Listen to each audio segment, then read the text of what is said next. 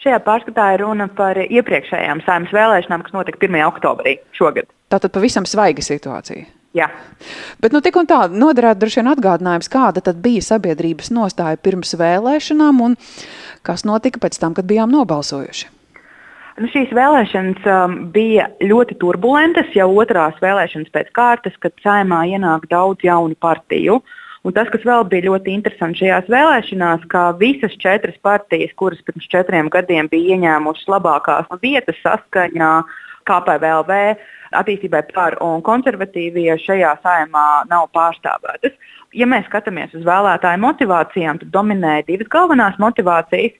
Viena motivācija bija atrast tās partijas, kuras uh, varētu vadīt valsti krīzes laikā un kas iemiesotu tādu kā stabilitāti. Un alternatīvā motivācija proti atrast uh, kādus pārmaiņu nesējus, dažkārt arī ļoti radikālus pārmaiņu nesējus.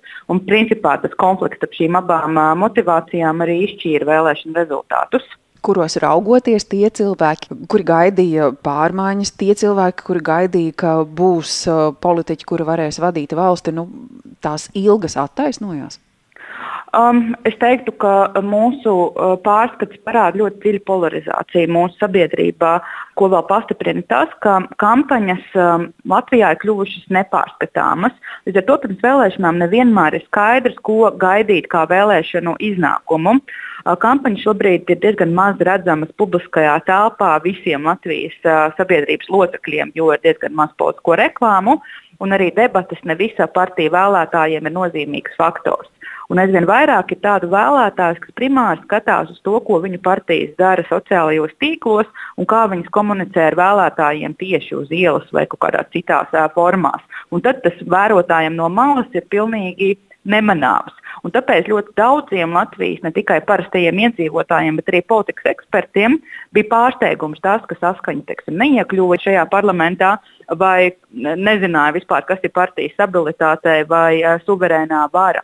Tas, ko mēs arī ļoti dziļi redzam šajos datos, ir, ka lielai daļai no Latvijas sabiedrības dzīvo tādā emocionālā telpā, kuru iekrāsoja trauksmes, aizvainojuma un varas tādas dziļas korumpētības sajūta. Un tad, kad viņi gāja uz vēlēšanām, viņi principā domāja par to, ka ar šīm vēlēšanām viņi šo mainīs. Tās ir divas vēlētāju kategorijas. Tie ir cilvēki, kas runā krieviski ģimenēs, un tie cilvēki ar zemiem ienākumiem.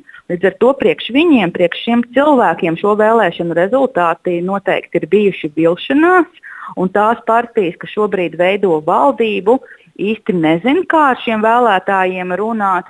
Un tas ilgtermiņā, protams, Latvijai nav nekas labs jo šie paši vēlētāji var nu, nākamajās vēlēšanās nobalsot arī par daudz radikālākām partijām nekā tas ir noticis šobrīd, kad tomēr nu, teksim, to vēlētāju dusmas ir aizānojusi starptautiskā situācija un vajadzība tomēr nu, šīs dusmas kaut kā iegrožot nu, plus mīnus nu, tādos saprotamos uh, rāmjos un tomēr nobalsot par tādām partijām, kas vairāk uh, iemieso stabilitāti, nevis protestu. Bet tie vēlēšana rezultāti ļoti viegli varēja būt pilnīgi atšķirīgi, un viņi varēja būt pilnīgi atšķirīgi negaidīti. Jo liela daļa no kampaņas šobrīd ir vērotājiem no malas un arī analītiķiem gandrīz nemanāma. Um, ko tas varētu nozīmēt nākamajās vēlēšanās? Visticamāk, dažādas sociālās platformas aizvien tiks izmantotas. Visticamāk, būs daļa vēlētāju, kur atkal būs dusmīgi, un tas protesta balsojums būs tikpat grūti paredzams kā šoreiz. Ir ļoti svarīgi, kādus secinājumus uh, partijas, kas šobrīd ir pārstāvētas saimā, uh, veiks uh, skatoties uz iepriekšējo vēlēšanu rezultātiem. Tas, ko mēs ļoti spilgti redzam, ka tās partijas, kas uz iepriekšējās vēlēšanās nāca ar pārmaiņu solījumiem, jau tikai pēc četriem gadiem vairs vēlētāju acīs ar šiem pārmaiņu solījumiem neasociējās, un tāpēc viņas ļoti vienkārši izkonkurēja nu, tādas partijas ar lielāku pieredzi.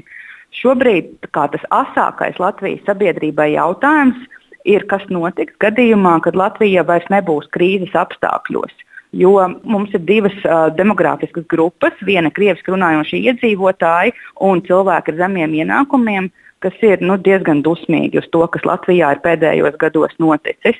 Un tad atslēga tam, lai mēs nākamajās vēlēšanās neredzētu nu, kaut kādus dramatiskus pavērsienus, kas var ietekmēt arī Latvijas ilgtermiņa politisko kursu, ir tas, vai tās partijas, kas šobrīd ir parlamentā, spēs vai nespēs atrast ceļu pie šiem vēlētājiem, viņus nomierināt un parādīt, ka šīs partijas strādā arī viņu interesēs un darīt to visu saimnes sasaukuma laiku, vai nu, kā tas nereti notiek, tuvojoties vēlēšanām, pēkšņi sirds atvērs? Nu, redziet, tas arī bija šo vēlēšanu tāda interesanta specifika, ka pirms šīm vēlēšanām partijas drīzāk radikalizējās nekā atvērās dažādām vēlētāju grupām ko ir no vienas puses ir viegli izskaidrot, jo partijas ir pieradušas orientēties kaut kādām ļoti konkrētām vēlētāju grupām un mazāk domāt par pilno vēlētāju spektru.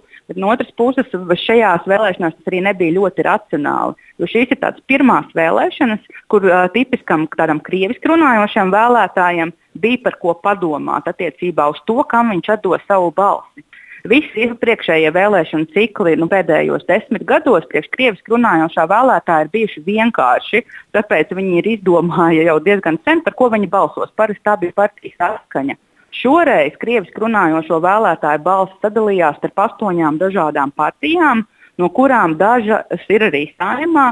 Un, teiksim, nu, es nezinu, cik daudz cilvēku to zina, bet teiksim, Šlesera partija Latvijas pirmajā vietā ir daudz populārāka ar krieviski runājošiem vēlētājiem nekā starp latviešiem. Un arī progresīvie nebūtu iekļuvuši parlamentā, ja ne krievu jauniešu balss. ZZS būtu saņēmusi stipri mazāk balsis. Tas nozīmē, ka principā partijām, kas parasti domā par savu vēlētāju kā par latvieti, ir motivācija sākt domāt arī par to, kā runāt nu, ar tādiem vairāk un tādiem lojāli noskaņotiem, krieviski runājošiem pilsoņiem. Vai viņi izmanto šo iespēju, vai nākamajās vēlēšanās šo cilvēku balsis aizies par radikālām partijām, nu, gan attiecībā uz proputiniskām noskaņām, gan arī attiecībā uz tādiem populistiskiem paņēmieniem. Tas ir atkarīgs tikai no šo pašu partiju pašu izpratnes par to, kas ir svarīgs valstī un kas ir svarīgs nu, tiksim, viņu vēlēšanu izredzēm. Šobrīd ir tādas pazīmes, ka tās partijas, kas šobrīd ir valdībā, kaut kā īpaši mēģinās strādāt ar tiem vēlētājiem un tiem pilsoņiem, kuri ir ļoti neapmierināti ar vēlēšanu rezultātiem un kuri vēlas redzēt nu, tādu cieņpilnāku attieksmi pret sevi, es neredzu šādas pazīmes. Es ceru, ka tādas būs tajā brīdī, kad šī valdība iešūposies un sāk strādāt. Jo savādāk mēs nu, nepārtraukti dzīvosim uz tādas tikšķošas laika bumbas, kad uh, uzrodoties kādiem talantīgiem populistiem, tas uh, Latvijas parlamenta vairākums var izskatīties radikāli atšķirīgs nekā tas ir šobrīd. Izklausās diezgan bažīgi. Tas ir bažīgi. Skatoties uz šiem datiem, es uh, biju diezgan pārsteigta par to, cik lielā mērā mūs ir pasargājis nu, tas ļoti dramatiskais, negatīvais notikums ar Putina iebrukumu Ukrajinā, kas ir tomēr vēlētājiem licis Latvijā samobilizēties un nobalsot nu, plus-mínus atbildīgi. Ja šīs vēlēšanas būtu notikušas Covid laika zīmē ar šīm protesta noskaņām, kas Latvijas sabiedrībā bija sākušas veidoties un attīstījās pēc sniega bumbas efekta, tie saimnes vēlēšanu rezultāti būtu radikāli atšķirīgi nekā tie, ko mēs redzējām šobrīd. Un līdz ar to tās bažas, domājot par nākamajiem četriem gadiem, ir, kas notiks tajā brīdī, kad tie vēlētāji, kuri ir vienkārši nobalsojuši šajās vēlēšanās, tāpēc ka tā starptautiskā situācija ir tik ļoti kritiska, uh, kad viņiem tās dusmas un aizvainojums atradīs uh, nu, tādu talantīgu demagogu populistu, kas viņu novirzīs Latvijai nu, pavisam nelabvēlīgā virzienā. Un atbildība šo risināt pirmām kārtām, protams, ir tām partijām, kuras šobrīd pārstāvētas parlamentā un valdībā, pēc iespējas runājot ar visiem Latvijas iedzīvotājiem un rādot visiem Latvijas iedzīvotājiem, ka viņiem ir vieta Latvijā un ka viņu viedoklis ir svarīgs un ka arī viņu dzīves apstākļu uzlabošana priekš valdības rūp.